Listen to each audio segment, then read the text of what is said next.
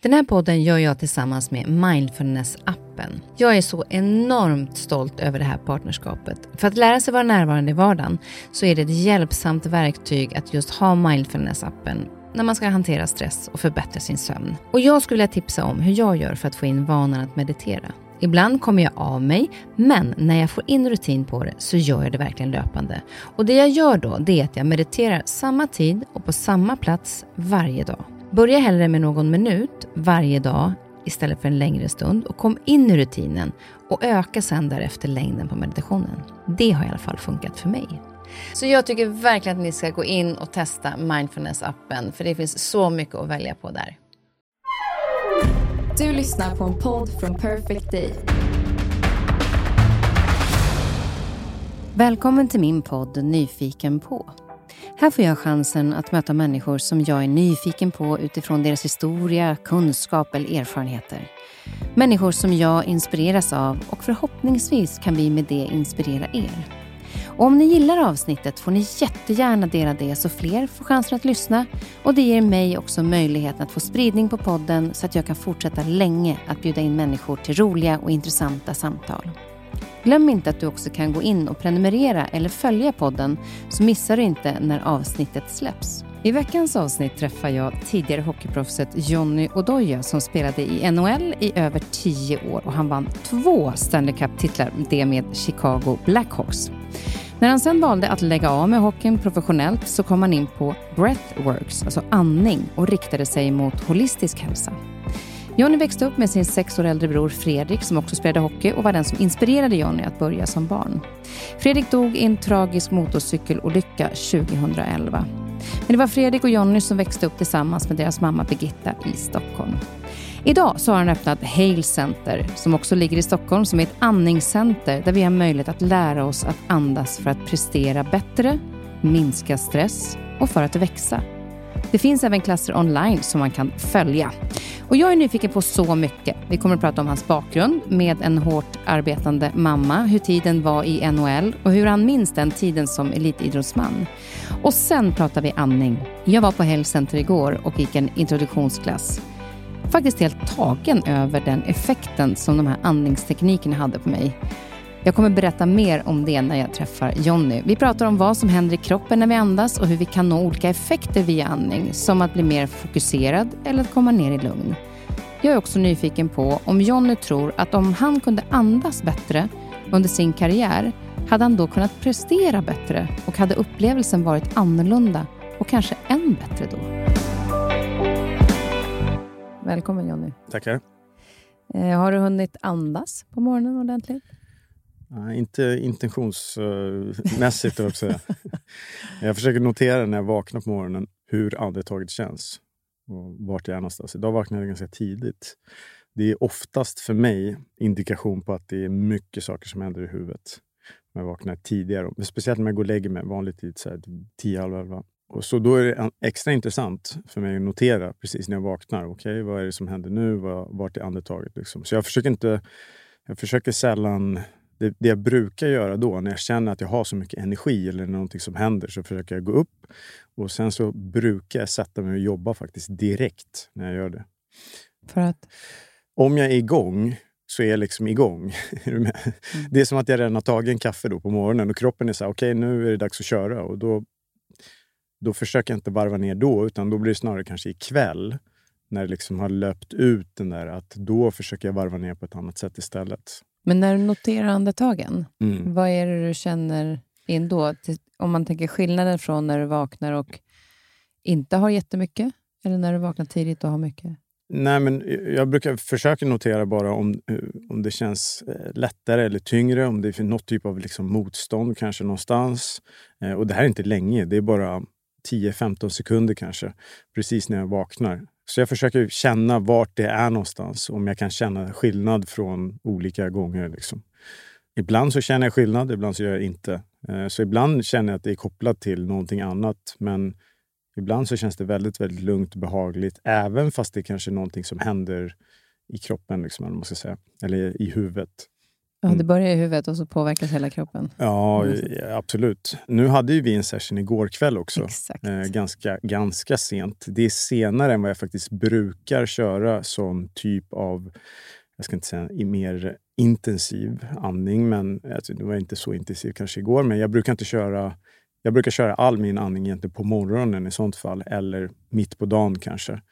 Så det kan ha haft någonting att göra med det också, att nästan som att jag ja, bygger upp energin eller någonting händer och sen så när jag vaknar på morgonen så är jag, liksom, jag var redo klockan fem. Bara, nu är det dags. Den, den där har en sån här önskan om att många gånger, eftersom jag är så morgontrött, att jag skulle vakna och så här tidigt och känna att jag är redo. jag är morgontrött. Jag, jag brukar säga att jag vaknar som en soluppgång, inte så här att man tänder lampan. Jag är långsam där.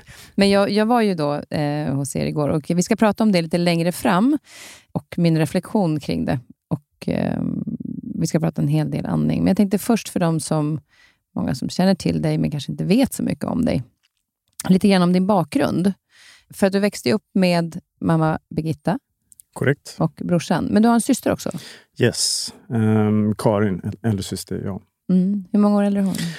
Uh, och får man säga det i, officiellt? höll säga.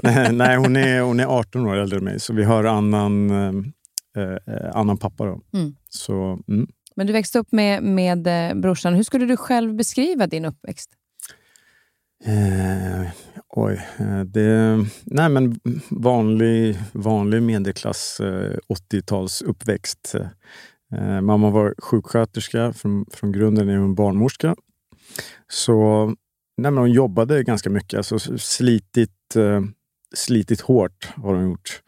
För ja, med både mig och min bror såklart. Då, som, eh, jag, jag har svårt att föreställa mig hur det har varit nu. När, när, nu har jag inte egna barn, men jag börjar ju se liksom alla andra runt en som har barn och hur de är. Och liksom två, två pojkar i den åldern som inte liksom kan vara still och ska hålla på med massa saker hela tiden. Och sen jobba själv, ta hand om dig själv och sen jobba. Liksom. Och två bröder som hittar en sport också som eh, tar rätt mycket tid. Ja, jag vet inte hur många timmar hon har skjutsat och suttit i kalla ishallar och utanför ishallar och väntat. Och det är ju nu man börjar förstå vad det har inneburit. Jag tror man, när man var yngre så var det nog ja, det var någonting självklart då som skulle hända och sen nu och framför allt tror jag sen när man får barn själv kommer man bara okej, okay, nu fattar jag vad det där var för någonting. Liksom. Så hon har ställt upp enormt mycket. Men ja, jag skulle säga 80-tals medel. Alltså, vi hade inte överdrivet med grejer, men jag, jag tycker att jag har haft allting som vi har behövt egentligen. Men mormor och morfar var viktiga också har jag förstått. Absolut. Eh, där spenderade jag ganska mycket tid. Eh, speciellt när vi, morsan eh, pluggade vid olika tillfällen så var jag där längre. Det var väl en del eh, så här, tre, fyra månaders eh, och sen på somrarna och sånt där. Så hade jag väldigt nära kontakt med både mormor och morfar. Så lite, så här, lite uppfostran från den också. Så jag, ibland, ja, min tidigare tjej Alexandra skojade alltid om att jag hade så här massa gamla uttryck. Liksom. Och det kommer ju från min morfar som är ja, född på 20-talet. Liksom. Eh, nu har han gått bort sen, sen några år tillbaka. Men eh, ja, jag har fått den, den delen av kulturen. Liksom. Mm. Och sen var det ju brorsan som inspirerade dig att börja spela hockey. Absolut. Han prövade väl ganska mycket olika saker när han var yngre och eh, fastnade för hockeyn. Eh, Jag tror att han började spela ännu tidigare, men han var väl fyra eller någonting när han började åka. Och sen så vart väl det naturligt. Jag har egentligen bara spelat hockey organiserat. Jag har egentligen inte gjort någonting annat liksom superorganiserat. Jag spelar lite basket och innebandy och fotboll typ i skolan och sådär, men inte organiserat. Så att det är egentligen bara hockey som jag har hållit på med. Och det kommer väl därifrån. Det var ju första gången så var jag väl två veckor eller någonting när jag var på hockeyrink. Liksom. Eh, Så, så man har blivit hjärntvättad från Det var början. bara att haka på. Ja, det var inte så mycket. Och det var liksom pyjamasen på och sen liksom overallen ovanpå. Och sen så, nu var det iväg och skjutsa och vara på rinken. Och sen eh, kom det ju naturligt då. Då var det mycket uterinkar på den tiden. Så fanns det alltid liksom så lite isar runt. Man kunde åka på hörnor och sånt där. Så det vart, eh, det vart naturligt. Och också, eh, många gånger blir det enklare för en förälder, eh, även om det tar mycket tid, att man ändå åker till samma ställe. Så att det Mm. inte är två olika platser. Att åka både en fotbollshall och sen en is Ja, absolut. åka däremellan. Nej, absolut. Mm. Men, men vad jag förstår så var ni ganska lugna. Alltså Du säger att ni har mycket energi, men det fanns ändå ett lugn i dig. Du gjorde inte så mycket väsen av dig, jag förstår. Eh, ja, Eller? kanske, kanske inte. Men I alla fall när man har läst en del så, så låter det i alla fall så. För, att, att, typ att, för när, när du sen började på isen så var det ju kanske mer... Då var det mer hetsigt. Ja. Nej, men Ja. jag, jag tror att jag har i mig eh, och haft hela tiden. Jag pratade med någon häromdagen om det. Att jag har, jag vet inte vilken sida det kommer ifrån egentligen. Men jag tror från min pappas sida så kommer det nog ganska mycket, ganska mycket lugn. Eh, Och eh, kanske den mer... Nu tror jag min morsa är introvert också kanske. Men pappa var verkligen en introvert person. Så där, där tror jag det kommer mer från den sidan. Sen finns det någon, jag vet inte, det finns ju någon sån här power, passion eh, som ligger under också, och som jag på något sätt kan liksom plocka fram. Och Det är väl det jag gjort i min hockeykarriär också. Att precis som du beskriver så är det ju, det har ju varit ganska många incidenter där, det, där sånt har kommit igenom. Liksom. Och jag har väl drivits av den sidan också genom hela min karriär egentligen. Lite så här, jag vet inte om man ska kalla det jävla anamma eller när det blir väldigt tufft så gillar jag liksom att attackera problemet. Hur obekvämt det än är nästan så, så försöker jag liksom ta mig in i det och se vad det är för någonting och utforska det och försöka komma igenom det. Liksom. Eh, och det vet jag inte vilken sida det kommer ifrån. Jag tror min morsa har ju lite så också. Även om det är lite gnälligt ibland så liksom är hon ändå där och eh, fortsätter köra på. Liksom. Så att, eh, något lugn men ändå någonting annat. ändå, det är ändå en ganska bra balans där då. Eh, ja, eh, den, har, den blir bättre med tiden hoppas jag i varje fall.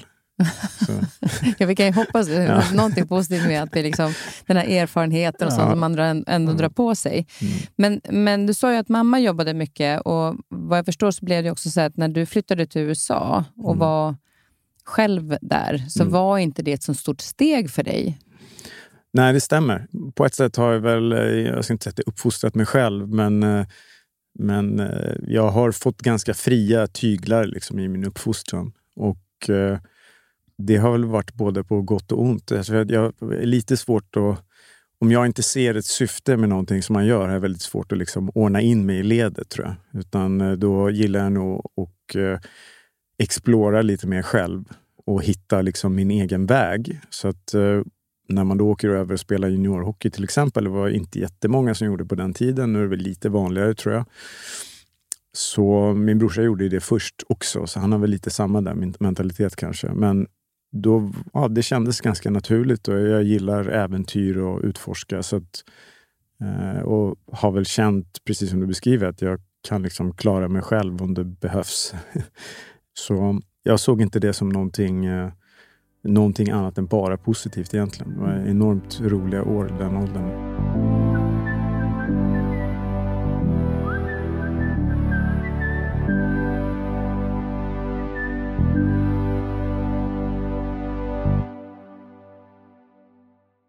Men en- att komma från Sverige och eh, hur vi liksom jobbar och spelar, hur hockeyn funkar här, Mm. till att komma till USA, var det en stor skillnad tycker du?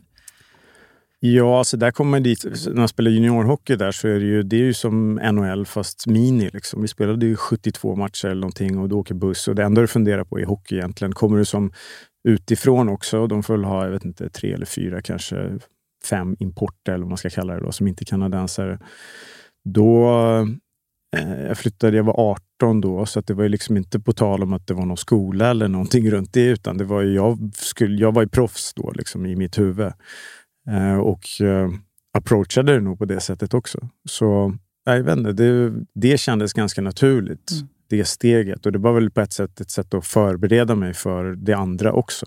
Och Det var ju liksom lite intentionen, att jag vill åka dit, se vad som händer. Eh, det var väl det året också som man blir draftad, när man blir vald av den här NHL-lagen. Så det var väl ett sätt att försöka sätta upp sig för det också. Så det är klart att det är annorlunda från Sverige det är väl en annan typ av liksom utslagskultur kanske. Nu börjar väl det kanske förändras lite i Sverige också. Men eh, jag vet inte, för mig var det bara ett äventyr och någonting som jag ville göra. Så, Hur var ledarskapet där, om man tänker i de här klubbarna när du spelade i NHL? uff, eh, jag har haft alldeles för många tränare. Jag tror jag har haft åtta eller nio stycken. Så det var, det var väldigt blandat. Väldigt, väldigt blandat. Eh, en del är väl mer liksom sympatiska än andra. Eh, men eh, på ett sätt så, alltså hockeyn har väl eh, den är ju intressant kultur av många olika anledningar. Så det är väl världens mest segregerade lagsport kanske. Och den som är mest inrutad skulle jag säga är västvärlden. De flesta andra har ju influenser. De stora lagsporten har influenser liksom från andra kulturer på ett annat sätt kanske. Och lite annan eh, kreativ influens, eller vad man ska säga. Eh, det finns inte jättemycket i hockey, eh, vilket jag tycker är intressant. Det är ju någonting som jag försöker jobba på också vid sidan av för att försöka att kan man se en annan bild av hockeyspelare? Finns det någonting annat? Eh, och inte bara liksom demografiskt och var folk kommer ifrån, utan också just eh, den här kreativa delen eller eh, Eh, utforskningsdelen, eller vad man ska säga. Eh, går, det, går det att vara hockeyspelare och spela piano? Liksom? Går det att göra det eller kan man inte vara så? Eh, så det är sånt som jag är intresserad av och verkligen försöker fundera på och spegla ganska mycket. Liksom. Så coachingsmässigt så är det väl ganska fyrkantigt. Jag tycker att det blir bättre och bättre. Eh, jag tror ledarskapsstilen inom hockey är annorlunda i, i Sverige än vad den är kanske i Nordamerika. Jag tror att ledarskapsstilen inom sport generellt eh, kanske är eh, lite annorlunda än vad det är liksom i företagsvärlden om jag upplever den som den är nu. Jag tror att det är många saker som du inte skulle kunna göra eh, på ett vanligt företag eh, som du gör med ett ishockeylag. Och såklart så är ju ja, det är väl någon typ av liksom pre-selection för det. Om du väl är i NHL så är det ju då är det en viss typ av mentalitet kanske också, eller en viss typ av skill liksom som är där, så att du kanske kan komma undan med det på ett annat sätt. Men jag tror att det finns ganska mycket att göra ledarskapsutvecklingsmässigt och det ser vi också skillnaden nu. De som kommer upp nu och är yngre, eh, de respondar på ett annat sätt än, än de som ja, eh, födda på 60 eller 70-talet eh, på en farm i Kanada liksom. eller i, i norrländska skogen här. Liksom. Mm. Eh, det är annorlunda. Kulturen förändras och den förflyttas och den gör ju det i hela samhället. Och det man blir lite orolig för, eller orolig, men det man kan fundera lite på då ibland är att om den förflyttar sig tillräckligt fort inom hockeyn, om den har kapaciteten att flytta sig tillräckligt fort det är många saker som fortfarande behöver utvecklas inom sporten, tror jag. Dels för att vi ska locka flera personer till den så att vi inte liksom stagnerar helt. Men dels också ta hand om de som verkligen är i sporten och försöka utveckla dem så att de har en miljö som är bra att utvecklas i. Så att det finns en balans mellan de där två. Eh, och jag tror att det är på väg åt rätt håll, men det finns uh, saker kvar att göra, helt klart. Men, och, och, när du var där i, i NHL så var inte du den som kanske alltid eh, stod framför kameran och pratade med pressen? Och, och, eh, utan du höll dig ganska tyst. Well, Johnny, certainly another game where Tampa had a lot of opportunities there in the third period. Take us through the final few minutes and how you were able to keep it a 2-1 game. Well, we're trying to uh, play as good defense as possible. I'd say uh, at that point. Just, just getting pucks out and, um, you know, not complicate things too much. Uh, just being in good position and, and Crow made some, uh, some great saves and uh, uh, that's what you need at that point. Historically, this is one of the closest Stanley Cup finals in history. Five games all decided by one goal. As a player, what is it like being a part of this?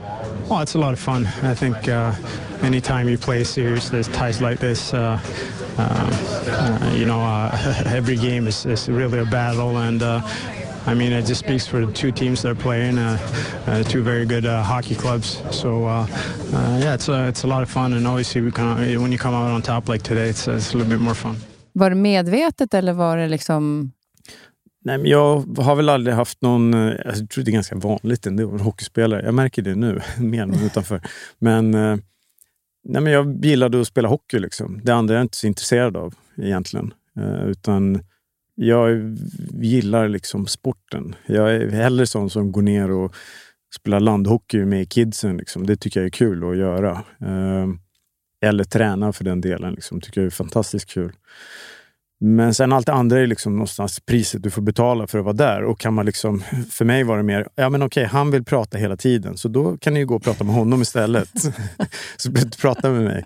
Uh, och sen så är det väl visst en fokusfråga för mig också. att uh, jag upplevde väl, jag var väl ganska lik på isen också, att jag, försöker, jag håller inte på och blajar för mycket utan jag behöver hitta mitt fokus och liksom, eh, det här flow-statet för att jag ska kunna spela. Och en del är ju då som introvert som jag är, så tror jag att jag behöver skapa det själv på ett helt annat sätt.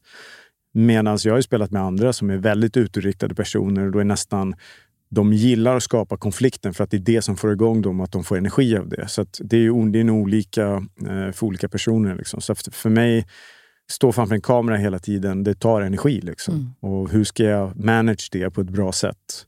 Och då vart det oftast att det vart mindre av det än tidigare. Liksom. Och där märker man ju enorm skillnad nu. Där man på ett sätt behöver vara ute och liksom eh, göra saker, göra sånt här. Det hade jag kanske inte gjort för liksom, tio år sedan. Även om det är trevligt att prata med dig så tror jag inte kanske att jag hade gjort det för tio år sedan när det inte finns ett annat syfte. Om syftet bara är för mig eller för hockeyn, det är här, jag kände inte riktigt då att jag behöver promota hockeyn. Nu börjar jag nästan känna att jag be behöver göra det för att det behöver ske lite förändring. Men när syftet ligger utanför mig, då finns det liksom en anledning till att göra det. Och, och då, som vi pratade om tidigare, if there's a purpose, då, då kan jag göra det som krävs. Liksom.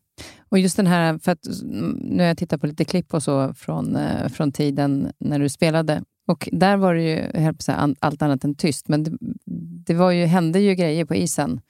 Mm. Eh, där hade du ju en helt annan energi. Var du aldrig rädd? För det var ju en del fighter och en del explosiva eh, mm. händelser på isen. Nej, jag tror inte att jag har... Jag har nu nog någon switch där i huvudet som fortfarande finns där. Och det är väl just den där liksom, eh, på något sätt attackera rädslan. Eh, jag tror rädslan är naturligt. Jag tror att den behöver vara där. Det är ett sätt att navigera. Liksom. Det, det är som att bli nervös. Det är ungefär det är samma typ av grej. Att om det inte finns där, då blir jag nästan mer orolig. Där så, okay, betyder inte det här någonting? Liksom.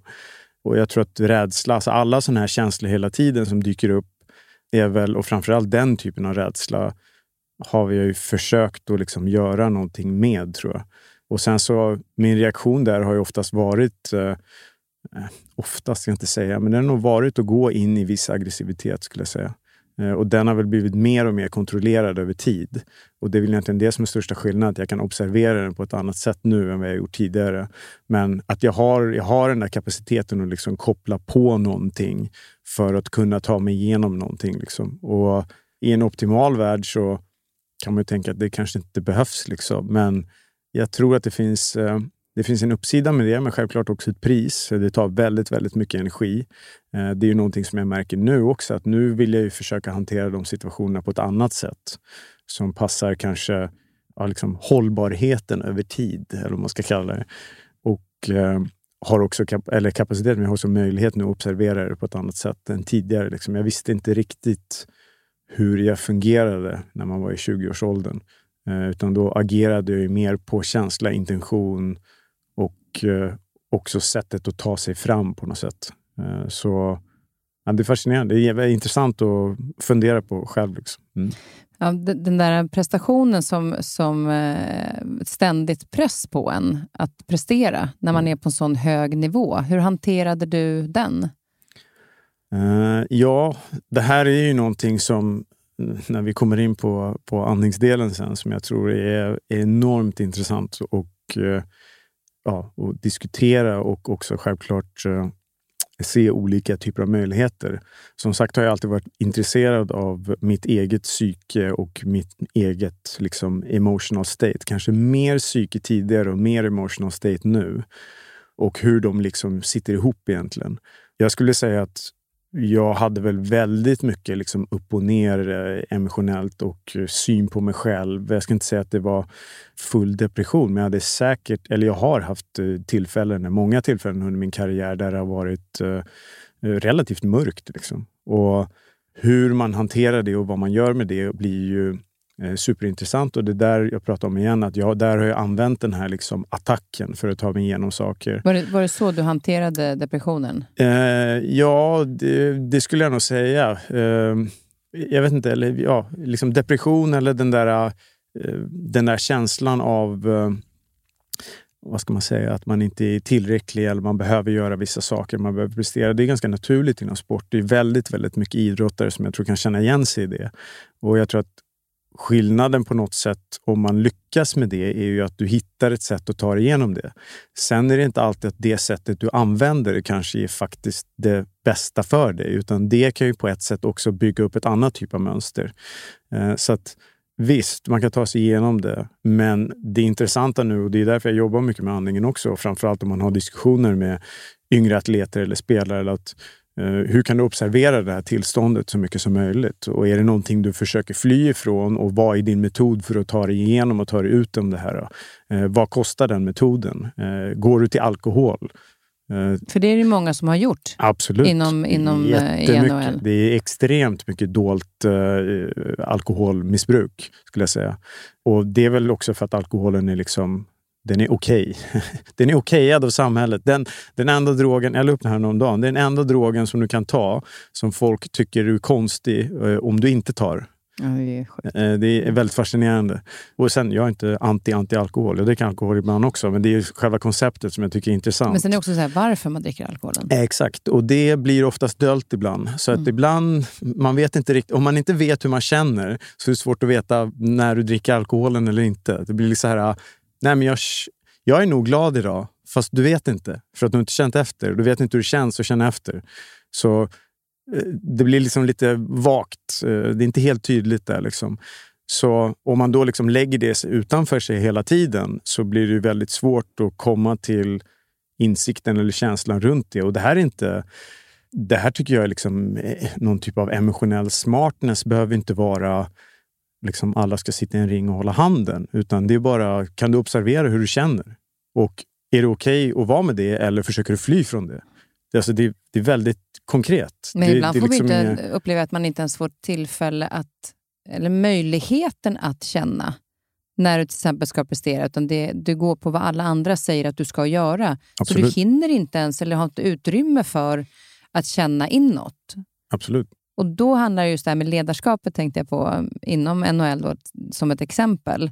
Att Får du inte den chansen att känna inåt, vad är det jag egentligen känner, så blir det väl lättare då att ta till alkoholen, för då påverkas du av den. Absolut. Det är, en, det är en kulturfråga också, vilken, vilken drog folk väljer. Liksom, kanske. Men det finns saker att jobba på där runt och där är andningen blir väldigt intressant för mm. du kommer i kontakt med dig själv på ett helt annat sätt. Och sen så behöver man inte liksom bara vara kvar i det där hela tiden och nu ska jag bara känna allting hela tiden. Utan någonstans så kommer det ju, framförallt när det kommer till idrott, så ska det ju leda till performance. Det ska ju leda till, precis som allting annat som du gör, så kommer det ju leda till att du kommer vara bättre.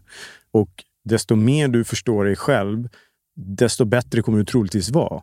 Och där tror jag också att man behöver liksom inte vara rädd för att kolla på sig själv eller vad man tycker eller vad man känner. För du har med dig det. Antingen så observerar du det eller så är det där ändå. Och det kommer påverka det du gör. Det är, liksom, det är omöjligt att det kan vara på ett annat sätt.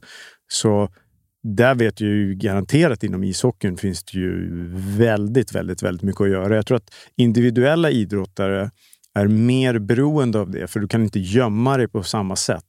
Så att du måste på något sätt förstå ditt... Alltså det är som en golfare som inte har koll på sin emotionella liksom output. Det, det går liksom inte. Det, hur ska det, det gå till? Snabbt, ja, men det blir så här, kast, börja kasta klubbor och liksom, så man bara, okej, okay, du, är inte liksom, du är inte här just nu. Mm. Så där blir du tvungen att träna på det på ett annat sätt, tror jag. Uh, nu känner jag inte så mycket proffsgolfare, men jag kan tänka mig det i varje fall. Uh, och sen så finns det ju olika typer av karaktärer och allting sånt där. Men Inom hockeyn så är liksom utloppet är oftast genom aggressivitet. Och det är för att det är en aggressiv sport. Och det kan vara okej okay ibland eftersom det är en aggressiv sport. Så att det kan finnas fördelar med att göra det inom den sporten, absolut. Men om det är det enda mönstret som finns, eller alkohol eller ja, vad det nu är för någonting, så det liksom, då fattas det någonting. Eh, för att det blir, eh, jag tror att det är ett dyrt pris att betala under, under lång tid. Liksom. Så en del kommer ha listat ut det här, precis som alla andra. Så en del är, har mer emotionell stabilitet eller utveckling naturligt. Eh, de kanske har olika typer av familjekonstellationer som har hjälpt dem att supporta dem med det under sin uppväxt eller vad det är för någonting. Och en del kommer inte ha det. Och precis som en del är snabba, en del är starka, en del är smartare, har bättre spelsinne. Så det, är ingen, det är ingen skillnad här. Liksom. Men eh, det är ett ganska outforskat område. Det börjar komma mer och mer, skulle jag säga. Den här emotional smartness, eller jag vet inte vad vi ska kalla det, något så sportigt ord, så att det blir liksom intressant att prata om. Det är det som man måste, så här, Till och med det måste man försöka hitta för att folk ska Ja, här, ta, ta det till sig. Absolut. Som egentligen är grunden i den du är och det du sen kan göra. Absolut. Eh, Absolut. och det gick ju bra för dig. Det blev ju i alla fall eh, två Stanley Cup. Absolut. Jag var Eh, extremt vinster. lyckligt lottad, ja. Varför säger du lyckligt lottad? För att du var ett bra lag, men det var väl en bidragande orsak också? Ja, absolut. Men alltså, det är en kombination. Det är två saker i kombination. Som jag sa, du kan ju börja med min morsa liksom, som har skjutsat i tusen olika saker. Hade jag inte haft det hade det kanske varit helt annorlunda. Alltså, du har vänner som supportar. Du har liksom, jag upplever att det har varit mycket fokus liksom, på mig runt det. Eh, och kanske inte extremt, extremt mycket. Men eh, jag har ju på något sätt fått göra som jag har velat på grund av det. Eh, så där har jag varit väldigt lyckligt lottad, jag tror jag, med hela den strukturen, upplägg och det är olika tränare som man har haft. Och, ja, det är många grejer. Jag har, inte, jag har inte valt vilken tid jag är född. Jag har inte valt var någonstans, vilken tidsepok eller var någonstans. eh, Jag har inte valt min, eh, min egen själ eller min eh, kognitiva eller fysiska kapacitet. Eller, så många saker som inte är valda heller. Som är liksom du har förvaltat dem. Eh, exakt. Så att det är en kombination av de två. Och eh, det är det jag tycker att jag är lycklig i. Så att det är inte liksom resultatet som jag tycker kanske är så här, åh gud vilken tur. Utan det är mer sammankomsten av alla de här saker samtidigt som jag upplever det är ju på något sätt tur, liksom, eller man ska säga. Ja. Ja, för det är många som, alltså, tänk alla de spelare som ändå, svenska spel som man vet har varit över eh, och spelat så många år Mm. och jagat den där eh, bucklan Mm. och inte når den. Det är till och med så att de liksom byter lag i slutet för förhoppningsvis kanske jag kan få den chansen. För det är någonstans ändå ett mål att få lyfta den där bucklan. Eh, och du har gjort det två gånger. Vad betyder det för dig? För jag såg en bild med, var det mormor va? Mm. Att hon fick... eh, 2013, ja. Ja. Men vad betyder det att hon fick vara med när, du, när bucklan var här? Men jag tror det är, det är ju ganska coolt när det kommer till NHL att man får... eh, Liksom man vinner och sen är det total kalabalik och man fattar ingenting och det är fest där i en vecka och sen så liksom sätter man sig på plan och åker hem och så bara, vad fan vad var det som hände? Liksom. Och speciellt att 2013 första gången var det ju bara total kalabalik. Um, jätte, jätteroligt. Men sen så får man ju chansen att ta hem den. Jag tror NHL eller hockeyn där är ju den enda ligan där du får chansen att ta med och ha bucklan hemma. Liksom. Och det är häftigt för då, är det ju, då kan man liksom bjuda in alla de här som har varit med hela tiden på den här resan på något sätt som kanske inte har kunnat kommit dit. Nu hade jag ganska många där 2013, tror Var jag, det, var det då det 2015 var också. lockout på din? Eh, exakt. Ja. Det var lockout först, ja, där 12-13 och sen satte vi igång i januari, så det var lite Just det. kortare säsong. Men eh, i vilket fall, ja, då får Mm. man en dag hemma där man liksom kan dela det och fira. Så att alla såna, ja, mormor, eh, nu tror jag morfar hade gått bort där, men eh, det, det är coolt. Det som, är det som låg nice. bakom, som du precis pratade om, Mm. att tack vare att alla de fanns där så har ju Mm. de också varit en del utav det. Absolut. Och man känner verkligen... eh, En del kompisar skojar om det for- fortfarande, liksom, när det är svenskar liksom, som är uppe för att de ska vinna. Att så här, bara, ah, men kul, då kan vi gå på Stanley Cup-fest igen. Liksom, så här, vi som har vunnit, typ. så det var, ja, det, precis. Men det kändes verkligen så, att man kunde dela det på ett annat sätt. Och jag tror att de verkligen känner sig delaktiga också. Att det inte bara är en, liksom, någonting vi säger, utan att de faktiskt Mm. känner det. Och just det, där var ju när det är, går med den och Mm. eh, man når den vinsten, men när det har varit motgångar eller saker och ting som har skett i livet, hur hanterar du dem? Är du introvert i det eller pratar du om det? Nej, jag är nog ganska introvert i det. Eh, Jag försöker bli bättre.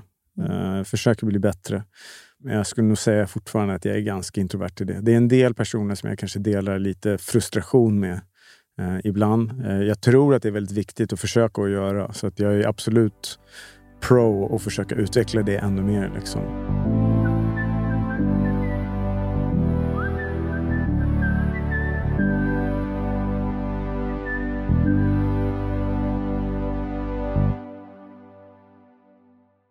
Jag vet ju, du förlorade ju din bror som eh, dog i en Mm. eh, trafikolycka. Mm. Och hantera en sån, en sån sorg, en sån förlust. Alltså hur gör man det som... Hur gjorde du det som lillebror? Ja, det är en bra fråga. Nej, jag, jag hanterar det. Jag, försöker, jag tror att jag försöker processa det ganska mycket själv. Alltså. Jag hade en kompis nu också som gick bort för två år sedan. Eh, det, det var nästan eh, som jag egentligen var närmare med än min bror vid den tiden. Och eh, det har jag väl pratat mer med andra om, tror jag. Men också ja, genom breathwork till exempel. Eh, komma i kontakt med den känslan, vara i den. Och sen, jag vet inte, på något sätt så... Jag tror att kroppen liksom om du låter den vara i det tillståndet den behöver vara i så kommer den, liksom, den kommer ut på andra sidan. Jag, jag är inte så rädd längre för att ja, varken vara arg, eller glad eller ledsen eller vad det är för någonting. Utan jag vet att det är saker som passerar. Liksom. Det är väl någon slags buddhistisk idé kanske som jag har anammat. Men jag upplever verkligen att det är så. Att det är ingenting av den här liksom, paniken eller saker som händer. Eller vad det, är. det är liksom inte för evigt utan det, det passerar. Och låter jag det vara och jag kan bara observera det lite så kan jag liksom sitta med känslan i kroppen och är jag ledsen så får jag vara ledsen då. Och sen så kommer den, den kommer liksom klara av att göra det så länge jag inte försöker trycka bort det. Eh, utan försöka vara, med, vara där med det så mycket som möjligt. Och ibland är det enklare, ibland är det svårare att göra. Helt klart. Det beror på vad som händer också. Om det är mycket saker som händer samtidigt så är det ju mer utmanande, liksom, helt klart. Eh, då blir det liksom lager på lager på lager. Då. Men eh, där hjälper breathwork hjälper jättemycket. Och när började du komma in på den här äh, lite andra delen, folk kanske skulle säga alternativa, från den här fysiska träningen som, som ni hade i NHL eh, och den mentala delen såklart också. Men när kom nyfikenheten in på liksom meditation och att det fanns en annan del som kunde hjälpa dig i din prestation? Jag har nog varit intresserad, som jag sa, då, av, av hjärnan och min egen upplevelse av livet ganska länge. Jag har försökt laborera med mycket saker. Jag håller på fortfarande håller på att laborera med mycket saker. Så det är, väl, det är typ någon typ av nyfikenhet. Eh, jag började väl eh, med allt möjligt, så här, beteende, eh, kognitiv terapier, samtalsterapier, olika saker. Just i syftet för, självklart, liksom se om det finns saker att reda ut, men också i nästa syfte att okej, okay, men om jag har den här hjärnan, jag tränar min kropp hela tiden eh, och så gör jag ingenting för min hjärna. Det låter ju jättekonstigt. Det är den som kommer styra hela min kropp sen. Så för mig var ju det ett, det är ett förebyggande sätt också på ett sätt. att hur kan jag utnyttja det här för att prestera så, så bra som möjligt? Liksom? Och då var ju hockeyn enkel, för där var det väldigt tydligt att okay, det där är det som är målet. Så alla de här sakerna som du gör nu är ju för det på något sätt. Men det jag upplevde ganska tidigt i allt det där var att eh, ja, det finns mycket så här, liksom, idrottspsykologi och du ska vara bäst när det gäller. Jag var så här, massa gamla böcker. Jag vet inte. Men eh, eh jag tyckte att det var för, liksom, hög, det var för låg nivå. Det var liksom bara uppe på ytan och guppade lite. Medan jag tror att det är mycket mer undermedvetna och mycket mera mönster som driver eh, oss hela tiden. Och Det är enkelt då på ett sätt. Eh, självklart kan man ju kognitivt liksom bestämma sig för att göra vissa saker och sen så kommer kroppen anpassa sig efter det eh, och man kan få annan typ av inlärning. Men jag ville liksom jobba på båda de där lagren samtidigt egentligen. Så eh, det var egentligen där jag började forska. Eller vad man och då ska var säga det fortfarande under karriären? Ja, absolut. Det här var väl någon gång i 30 30-årsåldern kanske. Något sånt där. Eh, och där börjar det också bli påtagligt inom sporten att säga, okej, okay, du har inte hur lång tid kvar som helst, även om man skulle spela till 40. Du har väl, jag ska inte säga att du har passerat din peak, men det börjar bli mer och mer intressant. Liksom, hur kan jag hålla så länge som möjligt? Eh, hur kan jag vara bra så länge som möjligt? Och hur liksom kan jag få ut så mycket som möjligt alltså, lustfyllt också av sporten? Eh, då har man liksom gått igenom den första halvan på något sätt. Så då kommer alla de där sakerna in, in, in i spel på något sätt. Att, uh, hur kan det bli så bra som möjligt den sista delen här som man ska spela? Liksom. Men hade du då en tanke när du började närma dig slutet av karriären, eh, hockeykarriären, vad du ville inrikta dig på? Nej, jag skulle säga egentligen, eh, egentligen inte. Jag började väl hålla på lite med kläderna i slutet på karriären också. Det var väl mer så här, det finns för dåliga grejer tycker jag. det, var, det var typ det som vi pratade om. Mm. Hur kan det inte finnas liksom, hållbara kläder, träningskläder?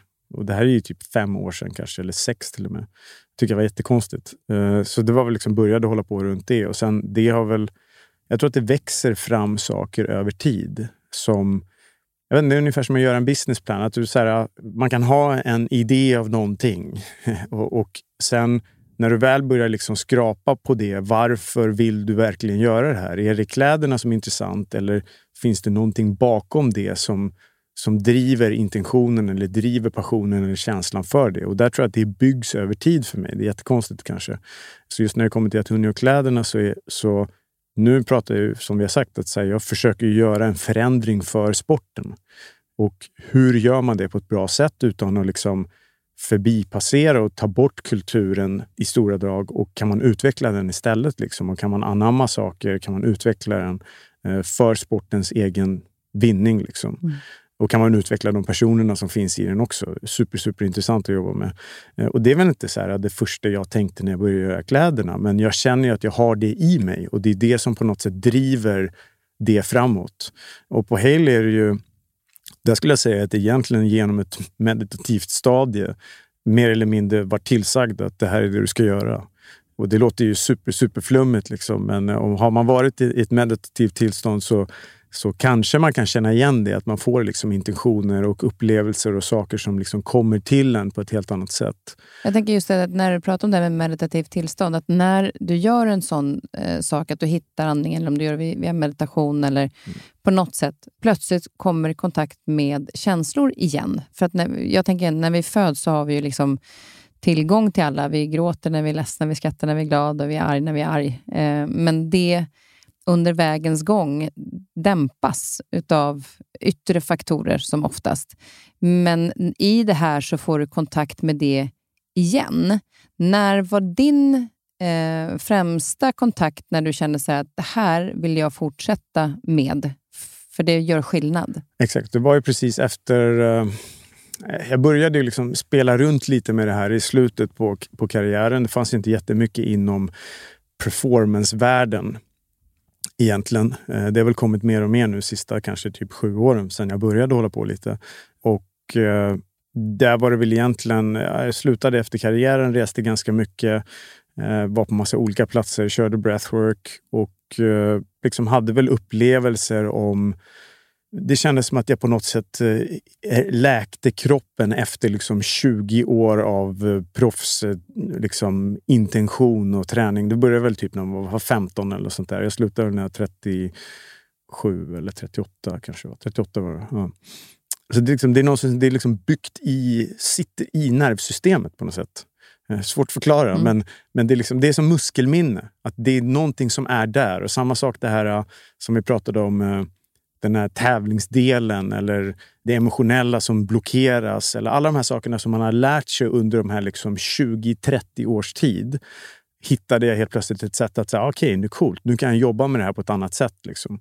Och sen såklart när man slutar, då är det så här, ah, vad skönt, jag behöver inte göra någonting mer i hela mitt liv och jag behöver inte fundera på någonting. Och då helt plötsligt så du är på ett annat ställe.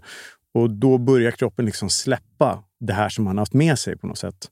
Och det här låter ju som att det är liksom eh, någon omvändelse och att eh, liksom Gud har appeared. Men mm. så, så intensivt är det inte. Men, men jag tror att den bästa liknelsen är nog det där muskelminnet-liknelsen. Att det är någonting i kroppen, något i nervsystemet och sen börjar det liksom släppna av. Eh, typ som när du åker på semester och så tar det två, tre veckor innan du liksom kommer ner. Och så tänker du det efter 30 års karriär. Det, är liksom, det, det blir ganska det blir ganska markant skillnad på eh, vad som händer och hur kroppen börjar läka på ett annat sätt. Liksom. Och det är ju bara en mental sak som man haft med sig under ganska lång tid. Och där hjälpte breathworking jättemycket. Och liksom den övergången. Och eh, i mitt fall tror jag stabiliserar ganska mycket saker. Så att man tänker att det är väldigt så här, ah, abstrakt och det händer massa andra grejer. Men för mig så det stabiliserade, precis som du beskrev också. Du kommer i kontakt med vem du är på ett annat sätt. Skitnice. Utan att vara liksom... Visst, det är abstrakta upplevelser och meditationsstates och allt möjligt där. Men det kändes som att kroppen liksom ville läka de där tre, fyra, fem, sex månaderna. Liksom.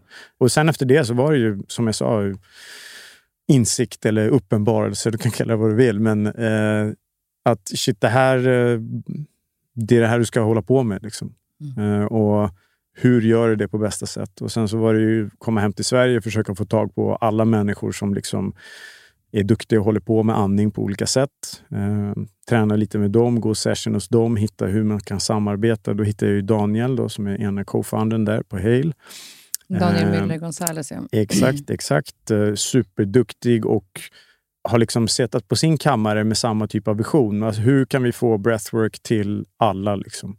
Hur kan vi exponera samhället för det här på ett bra sätt med en öppenhet men ändå en enkelhet och eh, liksom ta bort allt det här dogmatiska utan verkligen fokusera bara på andningen. Och hur gör man det? Och hur paketerar man det på ett sätt som är sexigt och folk tycker är intressant? Alla de där sakerna, är liksom, det är det vi har försökt att göra nu under de här tre åren, mer eller mindre. För när vi kommer då till, till det här med andningen och breathworks som du har varit, eh, kommit i kontakt med. Vad var det som... Alltså egentligen är det, tycker jag, man tänker efter själv så är det ju liksom det mest naturliga vi har, det är att vi andas. Alltså det är det första vi gör när vi föds, det är att dra ett andetag. Och ändå är det någonting som vi sätter till sidan så mycket.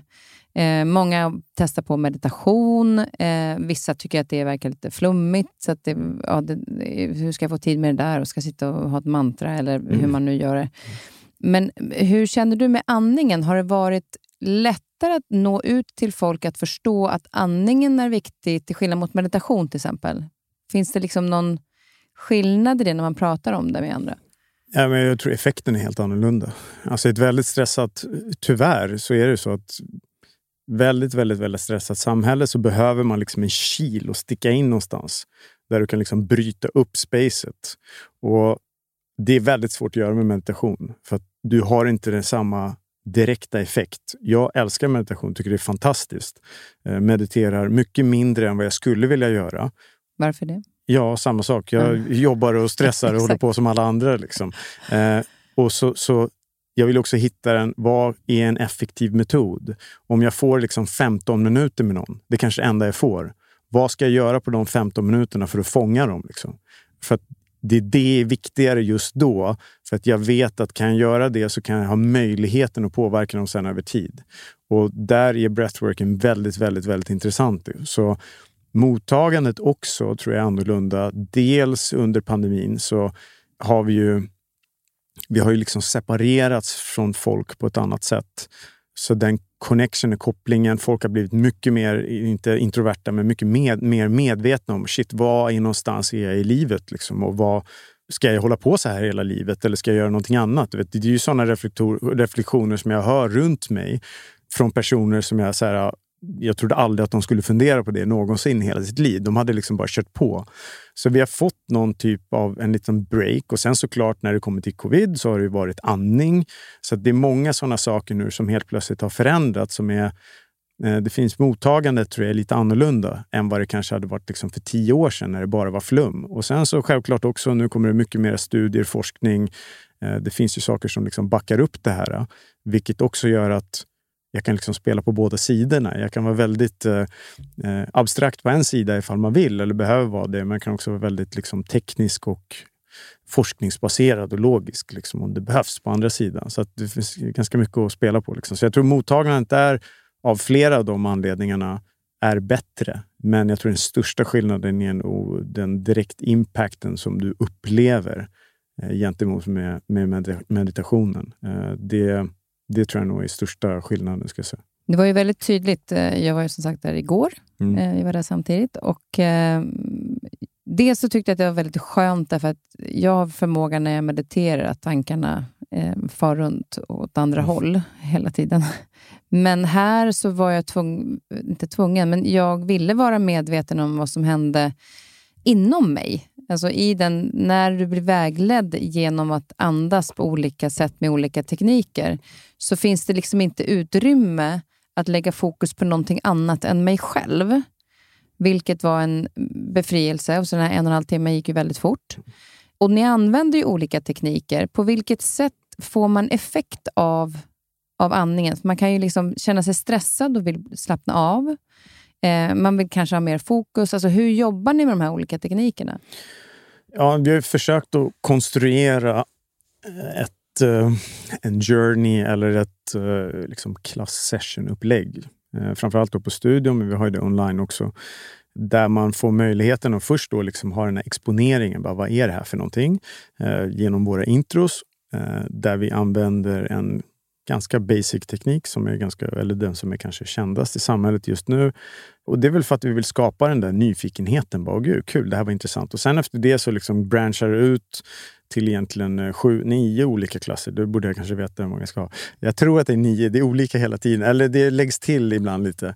Så jag tror att det är nio olika liksom, varianter. Och där är det allting från hur ska du komma ner i varv? Uh, här finns tekniker för det. Uh, vardagstekniker uh, till hög, hög power och intensitet. Liksom. Det är som ett träningspass mer eller mindre. Till Brazilians till exempel, som är en klass där du får hantera han kanske hanterar det själv på ett annat sätt. Eh, det är inte så mycket liksom hyperventilation. Sen har vi djupa sessions som är mycket längre. Eh, en del kanske är lite mer då traumabaserade för de som vill ha det. En del är lite mer upptäckande och eh, ja, egentligen liksom utforska. Så vi, har, vi har försökt att bygga det på ett sätt där man kan komma och pröva liksom olika varianter och stilar och tekniker. Så att när man har gått igenom det där på något sätt så har man liksom då har man liksom fått exponering till full, hela spektrumet av vad, det liksom, vad andningen kan göra för någonting. Och sen så är det upp till dig att välja vad du vill eller du tycker är bra. Liksom. Det är inte vi som bestämmer det, utan det är vi är där. sina behov. Ja, exakt. Vi är där, guidar. Eh, alltså, självklart så är det liksom, vi försöker utbilda folk. Vi har mycket utbildningar också. Vad är det, som händer i, i eh, den, den eh, klassen som jag var på igår till exempel? Mm. Jag var ju extremt fascinerad efteråt över att jag har varit lite rädd för att hålla andan. för jag tycker att men jag, jag vet när jag bara tog dykcert så tyckte mm. att nästan det var obehagligt. Måste jag hålla andan någon gång? Och så där, för att, jag förstår inte att man ska hitta ro i det. Och så har jag mm. hört mm. att de som fridyker och så här, det är så otroligt lugn. Mm. Och sen igår när vi gjorde den här äh, övningen så skulle man hålla andan vid tillfällen när man hade andats in, mm. vilket jag tyckte var jättesvårt. Eh, det kändes som att det trycktes emot uppe vid huvudet. Men när vi andades ut, då plötsligt kände jag så här, men alltså jag kan hålla andan hur länge som helst. Mm. Det var så otroligt behagligt tillstånd, vilket förvånade mig. För jag mm. har ju haft en rädsla egentligen i att hålla andan. Mm. Men att, att just den reflektionen kring vart sitter den här spänningen i kroppen. Så man lär sig väldigt mycket liksom, i den processen. Men vad är det de facto som händer? Det har ju med nervsystemet att göra och syret, tillförseln. Kan du berätta lite grann vad det är som händer i kroppen när du andas på ett mer effektivt och sunt sätt? Uh, oj, hur mycket, hur, hur mycket tid har vi kvar? Eller Nej, men just för, för att förståelsen för hur viktigt det är att vi andas på rätt sätt. Ja, alltså, eh, i det där fallet, så för dig var det... Alltså inandetaget är oftast kopplat till aktivering. Liksom. Eh, så det är en aktivering av nervsystemet, det är en aktivering... Eh, pulsen går upp till exempel, så hjärtslaget blir lite snabbare när det andas in och det är kopplat till aktivering i nervsystemet. Kopplat till energi. Liksom. Andetaget in i energi och på vägen ut så är det ju mer avslappning. Liksom. Som alla kanske vet att man tar ju den här sucken i någonting naturligt som vi faktiskt gör eh, ofta, vilket är fascinerande. För det är just det som är... Eh, det är ett sätt för nervsystemet liksom att slappna av. Eh, så det är olika vad olika personer har, som vi pratade om lite igår. Att ibland om man kanske har mycket stress så har du mycket tilläggsmuskler eller hjälpmuskler uppe i nacke och runt eh, liksom, övre delen av bröstet som man egentligen inte vill inkorporera så mycket eh, när man andas. Men om du tar ett djupt andetag in och håller det och känner lite press kanske från det, så är det möjligt att de, precis som du beskriver nu, eh, jobbar liksom nästan emot dig lite. Det är fullt möjligt. Utandetaget då, när du släpper ut istället då, så brukar det vara ganska behagligt. Där kan det vara en del kanske som har lite eh, liksom anxiety runt att just eh, lite stress och oro runt just själva idén att kanske shit, nu har jag ingen syre kvar i kroppen eller vad man kan tro för någonting, vilket inte är sant. Men ofta så är det ett ganska behagligt tillstånd. De flesta beskriver precis det du beskrev igår. Mm. Att Åh, gud vad skönt. Eh, det var någon annan tjej som var där igår och sa samma sak också. Bara, ah, det här är så skönt space att vara i. Liksom. Eh, och det låter jättekonstigt, jätte men eh, oftast väldigt normalt. Och sen så Ja, vi pratade om det igår också. Det händer ju mycket olika saker. Liksom. Du påverkar ju kroppen hormonellt beroende när du pushar syrenivåer upp och ner och koldioxidnivåer upp och ner. Så att, vad, vad ja, är det, det som händer, om man, om man till exempel pushar syre Selforsen kontra koldioxid, alltså de, de kanske går hand i hand, men, men vad är det som händer de facto med dig? Ja, men ofta, ofta det som händer är ju att eh, Eh, hormonbalansen förändras lite. Så då, pH kommer förändras i kroppen till exempel och sen gör kroppen anpassningar till det. Så du har hormonella saker som händer, eh, som förflyttar sig. Så till exempel om vi skulle få dig att börja hyperventilera nu, eh, så stimulerar kroppen med adrenalin och adrenalinet sen i efterhand stimulerar eh, kortisol som kommer efter det. Och sen så kommer det där liksom bana ut på något sätt efter sen när du liksom har läkt. Det är oftast det som händer i den avslappningsfasen. Att en del som kommer in som är lite halvtajta och så prövar de och ventilerar lite mera. Eh, så släpper det oftast lite efter. Det är ungefär som att spänna en muskel som är lite stel och så har man så kontra-stretching ungefär. Det blir lite typ åt det hållet. Och sen så i det fallet då, så skulle immunförsvaret till exempel eh, aktiverar och eh, ja, du får påslagning av det också. Så det händer saker i nervsystemet men också hormonellt och eh, ja, i andra liksom funktioner i kroppen helt enkelt. Så det är lång teknisk liksom, diskussion egentligen, men bara ta det som ett exempel. att uh, Den typen av hyperventilering. Och Sen så finns det ju, liksom, ska man säga, inte för och nackdelar med det kanske över tid också. Jag tror att man behöver balansera intensivare andning men också lugnare andning. Lite som träning är samma. Att du kanske inte bara vill köra high intensity träning hela tiden varje dag. Utan du vill liksom balansera ut det där och hitta lite olika metoder. och Ibland lugnar du ner och ibland behöver du aktivera. Eh, och så kan du jobba med det liksom på det sättet.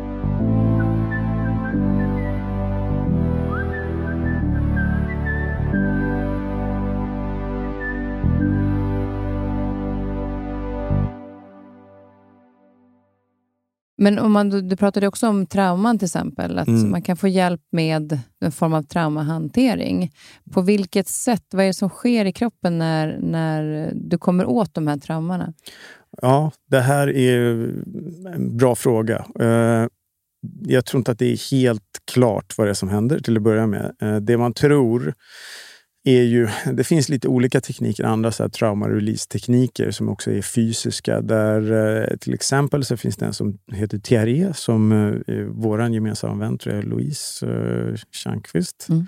eh, jobbar med, som också är super, super intressant. Eh, och det är där jobbar man vad ska man säga, muskulärt på ett sätt. Det är ingen andning alls inblandad, utan där jobbar du liksom fysiskt väldigt mycket med höftböjarna till exempel, som håller tension i kroppen. Eh, och det låter jättekonstigt. Eh, jag skulle likna det likt eh, det som vi pratade om förut, ett muskelminne. Att eh, det när jag pratar med idrottare till exempel, eller nästan vem som helst, att det är påtagligt att eh, om två personer går in i gymmet och den ena är atlet och så gör de någonting så kopplar deras... Det, det går mycket, mycket fortare. Liksom. Det finns någonting uppbyggt i nervsystemet och kanske till och med cellulärt eller muskulärt också. Och där har ju kanske olika muskler olika kapacitet att lagra olika saker. Inte helt klart, men teorin i varje fall. Och där jobbar vi mycket med jobbar mycket med höftböjarna och kan få dem att släppa på de här sakerna och då kan alla möjliga olika saker dyka upp. Liksom. I andningsvärlden pratar vi mycket om diafragman som exakt samma typ av funktion. Liksom. Att den håller någon typ av spänning liksom, och den håller någon typ av uh, vad ska man säga, den håller någon typ av liksom emotionell tension.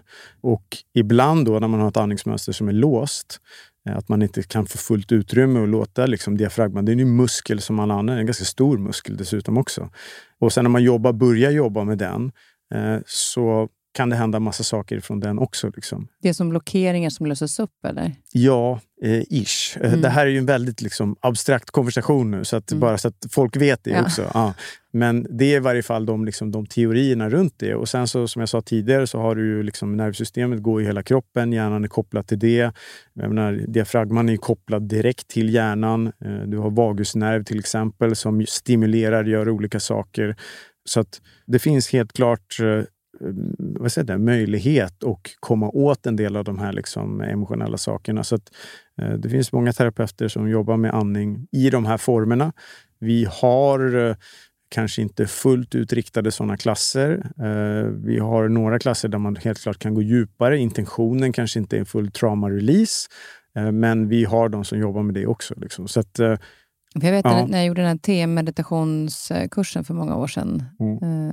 Då pratade de väldigt mycket om att du kan komma åt trauman, alltså saker och ting som har som satt knutar inom dig. Och Du behöver inte alltid veta när det hände eller varför det har orsakats. Mm. Utan via att du får den typen av avslappning Mm. så får den här blockeringen en chans att slappna av. Mm. Vilket gör att du hjälper till att, och, och, vilket jag tyckte var skönt och tänkte på att ja, men det är ju bra för då behöver kanske inte alltid folk prata sig igenom saker. 100 procent. Utan du kan andas dig igenom det och känna att det släpper. Sen kommer det kanske ändå en känsla eller ett minne eller någonting upp.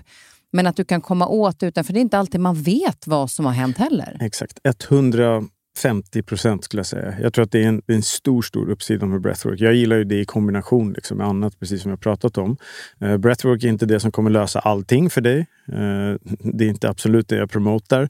Men det är mycket, många, många, många gånger som... Nu har vi liksom haft, jag vet inte hur många tusen personer som har varit i studion än, men det är så många gånger som personer är där och det känns inte riktigt rätt när man kommer dit. Alltså inte av anledningen att de inte vill vara där, men det är någonting som pågår i ens liv som man vet om. Eh, man vet inte riktigt vad, men det är någonting. liksom. Eh, och sen så kommer du i kontakt med det och sen så på något sätt så kommer det ut i din kropp, eller vad man ska säga. Och sen efter så är det liksom som om du har haft en emotionell dusch ungefär. Att bara, nice, nu känns det mycket bättre. Men jag vet inte vad det var som har hänt egentligen. Och Det där är ju sjukt intressant. För det där tror jag ju, alltså vi som organism, och framförallt när det kommer till andning också, så vi lär oss ju saker och tar input hela tiden utan att veta om vad det är som händer. Alltså majoriteten av informationen du tar in har du ingen aning om vart någonstans eller hur, hur den processas.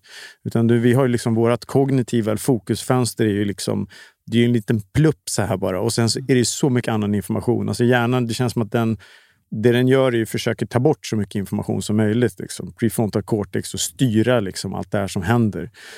Så det som händer där i breathworken är ju just att du kan komma åt det där. Du behöver inte förstå så mycket, utan var bara där och andas och sen så då kommer du känna det som behövs kännas. Ibland gör du det, ibland gör du inte. Ibland somnar du, ibland skrattar du. Ibland liksom så här, det, behöver inte vara så, det är inte bara liksom traumabaserat hela tiden, utan det är små saker som sker hela tiden likt eh, den här liksom tankarna som vi har med oss hela tiden konstant.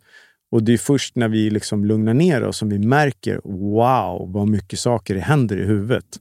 Så är det hela tiden. Det händer ju nu också när vi sitter här eller när vi går runt på stan. Men vi observerar dem inte. Och det emotionella spacet är exakt likadant. Det är ingen skillnad. Det kommer och går saker hela tiden. Och ibland kanske saker och ting fastnar och du vet inte om varför. Och du blir triggad av någonting historiskt som har hänt. Och då förändras din andning. Och då påverkar det hur du mår. Och det, det, är liksom så här, det blir en loop av flera olika saker samtidigt. Och kommer du då in till exempel på en sån här klass så ja, då kan du liksom du kan möta det med ett väldigt safe, enkelt utrymme, liksom ett space.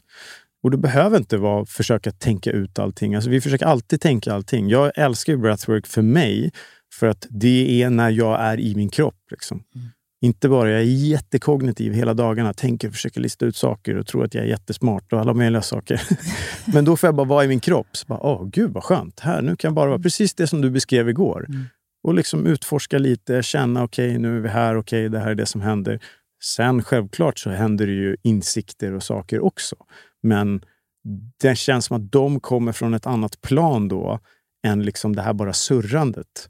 För det surrar Ja. ju rätt mycket för många, just med tanke på hur vi lever idag Ja, och hur ja. samhället har ofrånkomligt har blivit. Och det är det jag tänker också, för att det är ju, jag vet ju bara med mig själv och eh, eh, många och vi pratade om det tidigare, att ta sig den tiden som man skulle Mm. vilja, om det är så i meditation, men framförallt det här med andningen då, som jag tänker på, att när jag var där igår så var det ju sån här, ja men varför gör jag inte Alltså det blev ju en- form av aha-upplevelse, att det är det mest naturliga och jag vårdar inte det eh, hos mig. Eh, och är det någonting jag, när jag stressar, som jag eh, icke prioriterar så är det ju andas ordentligt, för jag tänker ju inte ens på det. Det, det går liksom normalisera, det, det bara händer. Eh, och, men jag vill ju ge det tid för det. Men hur ska man, alltså att, att ta sig den tiden, det var ju en fantastisk upplevelse att gå dit. Och Gör man det två gånger i veckan, men man vill ju ändå kunna använda sig av det vid flera tillfällen. Alltså är jag stressad här på jobbet så vill jag kunna gå iväg en kvart och andas kan man lära sig det så man även kan ta med sig det i vardagen, så man kan lättare jobba med det? Absolut, och det är det som är vårt mål egentligen. Som jag sa så är ju eh, klasserna är väl, jag ska inte säga att det är för show, för det är det inte. Det händer jättemycket fantastiska saker där också. Men det är verkligen eh, det där första steget för att få den typen av insikter, den känslan som du beskriver nu. Att, och den tror jag är jätte, jätteviktig att börja med för att det är så mycket saker som kompitar i samhället. Och en del av dem kanske inte är jättefördelaktiga hela tiden. Och hur ska man liksom komma in med någonting då och göra skillnad i det? Så det är det första steget. Och sen såklart, så det vi gör är att vi bygger på Hale bygger en plattform för liksom total breathwork. Och det är allting ifrån liksom företag. Vi vill nå dig där också. Vi håller på och utvecklar en app nu, samma sak också. Eh, vi vill nå dig var du än är någonstans hela tiden. Liksom. Och eh, vi har online sessions som är guidar. Eh, de funkar också jätte, jättebra. En del är lite så här, men det där kan inte ja, funka för det online. Vi lite grann om, för ja, det var ju en sån häftig upplevelse att vara där. Mm. vad, vad, skulle du säga är fördelen med att göra det online? Dels är det ett väldigt tryggt space. Alltså ditt hem, oftast där folk är, är det tryggaste stället du kan vara på. Så det är väldigt, väldigt enkelt att slappna av. Man behöver inte den introduktionen på det sättet. Sen så är det också convenient av att du inte behöver liksom resa. Du kan bo var som helst i hela landet egentligen. Du kan alltid checka in liksom eh, ändå på de sessionsarna. Eh, du har också lite lite liksom community, eller man ska säga, runt till också. Att du kan alltså vara med med olika... Du kan ja, checkar du in samma tid här så har du liksom den där gruppen som du kan andas med hela tiden, vilket jag också tror är en enorm fördel.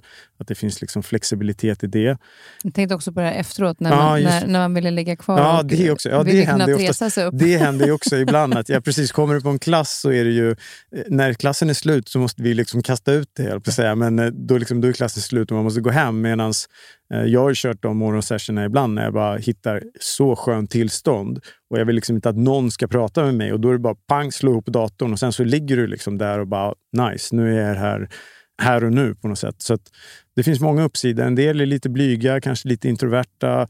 Eh, självklart då så är det väl alltid bra. Vi vill ju att de ja, kanske inte ska öppna upp, men, men komma dit och liksom vara i spacet ändå. Men självklart så Ja, du, man kan få en kanske lite annan typ av upplevelse då om man är online och man är hemma till exempel. Eh, och upplevelserna i sig och det du får ut av det kommer vara... Jag har haft minst lika bra sessions uh, online som jag haft när jag varit på studion, vilket låter konstigt. Men så många av de här sakerna, det finns, det finns fördelar och det finns nackdelar självklart. Så jag skulle säga att man kan uppleva båda två, vore ju absolut bäst. Då.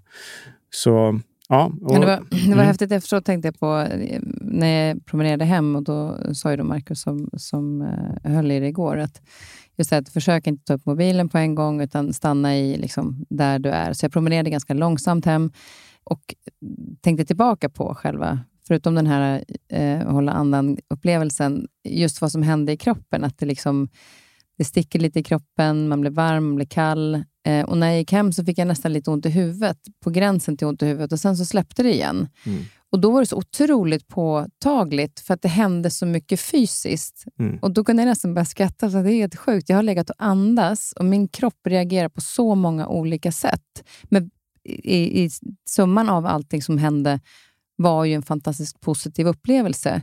Men jag har legat still och andats på liksom, och fått med den tekniken. Och det sker så mycket. Att ge mig det är ju en ren gåva. Att implementera det i livet på ett annat sätt. Och Jag ju yoga mycket. Men jag har varit så fokuserad på att älska liksom hur kroppen fungerar och vagusnerven och alla de här bindväven, vad händer och det fysiska. Och eh, kanske mindre på andningen.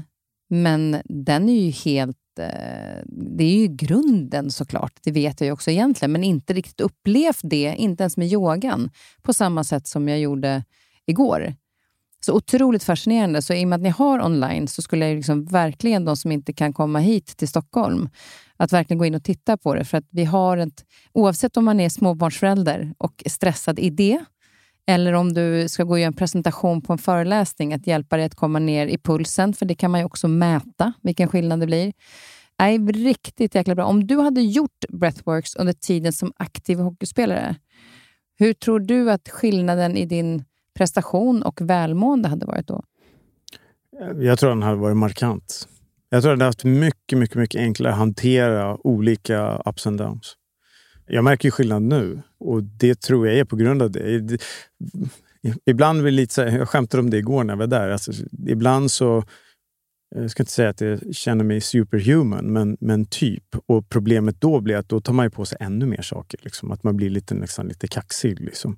Så att stress är ju alltid stress och den behöver ju liksom på något sätt eh, ja, den behöver hanteras, men det viktigaste är ju att kunna lära sig Alltså det, är, det är resilience. Jag vet inte, vad, vad, inne, vad är det på motståndskraft? Mm. Är det på engelska, svenska kanske?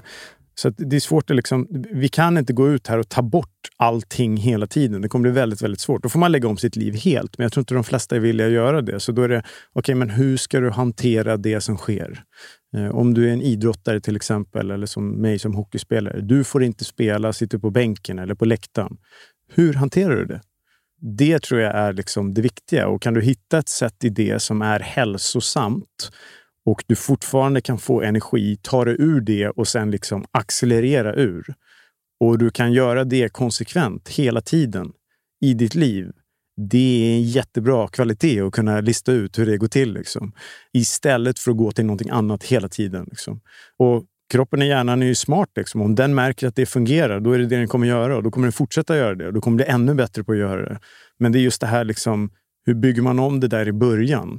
När det är liksom som jobbigast och som värst. För att liksom sätta upp dig själv för nästa gång när någonting händer. För det kommer hända saker i livet. Liksom. Eh, det går inte att gömma sig ifrån, tyvärr. Utan hur hanterar du det som sker? Super, super, super intressant att försöka och, och lista ut. Och Det är lite olika för olika personer. Jag tror andningen kommer hjälpa eh, de flesta i det tillståndet. Så hade jag... Jag vet inte vad exakt resultatet hade blivit, men eh, jag är helt säker på att min upplevelse av min karriär hade varit annorlunda. Sen vet jag inte vad det hade resulterat i, men jag tror helt klart min upplevelse av min karriär hade varit annorlunda. Med närvaro?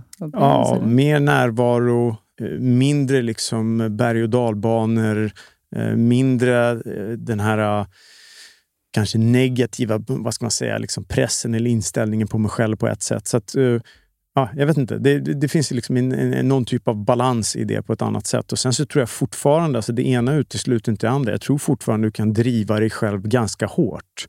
Men ska du göra det måste du också ha förutsättningarna. Liksom, för att annars priset kommer bli väldigt dyrt. Det är som fysisk träning är likadant. Alltså så här, ska du vara på elitnivå, det är inte hälsosamt för kroppen. Men hur ska du kunna träna så hårt och effektivt som du kan? Då måste du äta, då måste du sova. Du måste, alltså alla de här sakerna måste vara på plats. För till slut, du kan göra det och komma undan med det ganska länge, men till slut kommer du börja betala ett pris. Och när det kommer och vad det är, det vet jag inte. Liksom. Så för mig är det samma sak här också. Att kan man hitta det här i sitt vardagliga liv på ett sätt, så tror jag att eh, uppsidan är stor. Det betyder inte att du ska sluta göra allting annat du gör, utan det kommer ge dig möjligheten också att sortera lite mer. När du väl börjar fundera på det här så kommer du börja sortera kanske andra saker också. Som ah, det där kanske inte riktigt för mig. Och sen också, ja. andningen har vi med oss hela tiden. Ja, det är världens enklaste. Ja. Om du lär dig att lista ut det här. hela tiden har du med dig. Vi hade en jättefin, eh, igår var det en där kille som var på klassen. Som han har en son som är ganska ung som liksom har lite så här, skriker och är lite, ja, lite orolig. Liksom, som han tar och lägger på bröstet och andas med. Och efter liksom en minut mm. så sover han. Och det är det, den connection som de har nu. Jag bara, det du har insett nu och förstått runt andning, det där kan du göra med honom när som helst, överallt, resten av livet. Alltså det är magiskt. Mm. Ja, det, är det, är liksom, det är så här, det, det, du behöver bara ha insikten. Liksom. Mm. Du behöver bara ta dig ifrån jag tror inte att det här spelar någon roll alls, till att ah, wow, intressant, där kanske finns saker som man kan utforska. Och sen exakt vilka stilar och vad som passar dig, allting, det är ju vårt jobb, eller på att säga, eller att supporta med liksom, egentligen. Och att vi eh. själva är lite nyfikna på hur vi själva reagerar på de olika Absolut. sakerna också. För det är Absolut. det som, för det är ju ändå till syvende och sist en själv det handlar om. Och jag tycker Absolut. att det är lite intressant. Min hund är med mig här nu och det är jättepåtagligt när jag är stressad eller inte. Jag kan ibland lyfta upp henne när jag liksom känner att jag springer omkring och hon står och tittar på mig och märker att nu är det någonting som händer. Så lyfter jag upp henne och försöker andas med henne. Och Ibland så typ fejkar jag det där, men hon kommer inte till ro då. Mm, mm. När jag fortfarande andas snabbt. Mm. Men om jag ställer mig verkligen och andas djupt Mm. och visar henne att det är okej, jag är lugn, då lägger hon liksom huvudet på min axel. Mm. Och den, där får man ju liksom den tydliga effekten väldigt snabbt på att jag mår bättre Mm. och de som är runt omkring mig mår också bättre. Mm. Äh, otroligt intressant. Jag är ja, lite hooked på det där faktiskt. Eh, nu är du, uppenbarligen har vi hört, väldigt nyfiken på väldigt mycket. Mm. Eh, är du nyfiken på något så tar du reda på det. Eh, Exakt. Är det någonting du, eh, som, du, som du är så extra nyfiken på? Mm.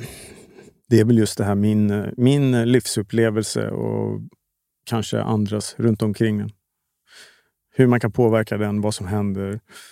Hur kan man, hur kan man ta sig igenom livet liksom med så mycket nyfikenhet som möjligt? Liksom. Jag är intresserad av mycket olika grejer. Liksom. Så att uh, skapa ett space för uh, ja, utveckling. Liksom. Och Sen så behöver inte den vara pushad, utan den kan vara väldigt naturlig. Men uh, försök att trigga lite av den där uh, utforskningen. Liksom. Det tror jag. Jag är nyfiken på nyfikenheten. Mm. Kan man det är säga bra. det? Ja, det är bra. Eh, ja. Det, vi, vi pratade om det ju innan, när, när, eh, om man har ett sånt intresse och har börjat, så tänker man så här, men nu har jag lärt mig mycket. Och sen så, nu när jag kom in på det här med andningen, jag gick Mm. hem och googlade nervsystemet. och man så här, då blev det någonting nytt igen som Mm. man blir nyfiken på, som man vill bara fortsätta med. Så har man den öppenheten så är det ju fantastiskt intressant. Mm. Ja, Ehm, Absolut. och utforska sig själv eh, är det som var jäkligt coolt igår, måste jag säga. Nästan som man kunde se sin kropp inifrån. Mm. När han pratade om det här med när vi andas, till och med att tarmarna får ju liksom en rörelse. Mm. Då kunde jag nästan tänka inne i magen. Alltså det var otroligt häftigt. Jag tycker ni alla verkligen ska testa på det här. Och det, det, man hittar ju er online. Eh, och, yes. Hail.center. Det finns eh, hemsida. Mm. Och sen eh, så ligger ni på, har ni ett center på Östermalm i Stockholm. Vid, Exakt, i garnisonen Karlavägen. Eller Banergatan är egentligen eh, 28B, men eh, det är i garnisonen byggnaden. Så man kan gå in där, Karlavägen 100 går att gå in också oftast.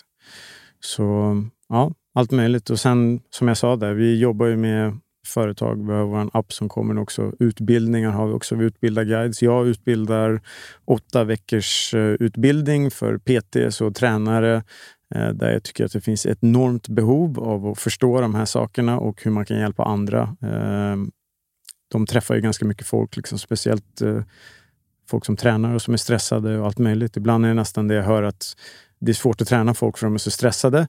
Eh, Så då kanske man ska ha lite liksom tekniker och saker runt det. Så jag gör det. Och sen har vi vår längre guide, full guideutbildning då, där vi inkorporerar liksom allting av det här.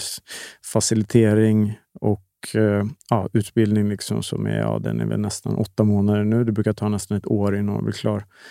Så ja, vi håller på med mycket olika saker. Liksom. Vi vill eh, sprida det så mycket som det går. Ni vill lära människor att andas.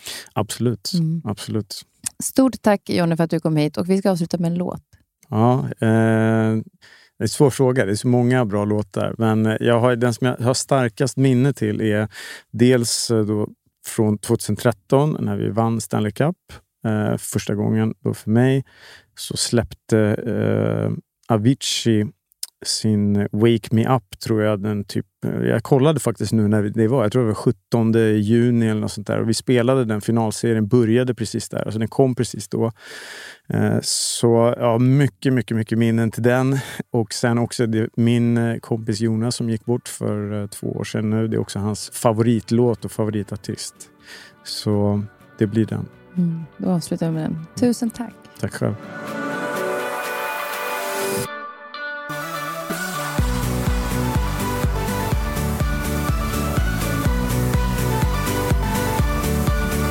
I nästa veckas avsnitt träffar jag Johanna Wallén som tillsammans med sin man Marcus ville för några år sedan byta livsstil då de sågs alldeles för sällan och de hade totalt tillsammans fem barn som behövde sitt.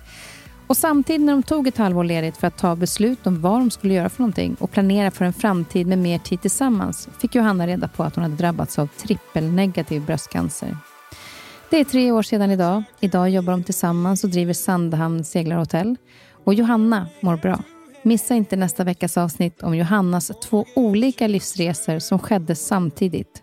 Hennes berättelse, den inspirerar. Wish that I could stay forever this young. Not afraid to close my eyes. Life's a game made for everyone. Den här podcasten är producerad av Perfect Day Media.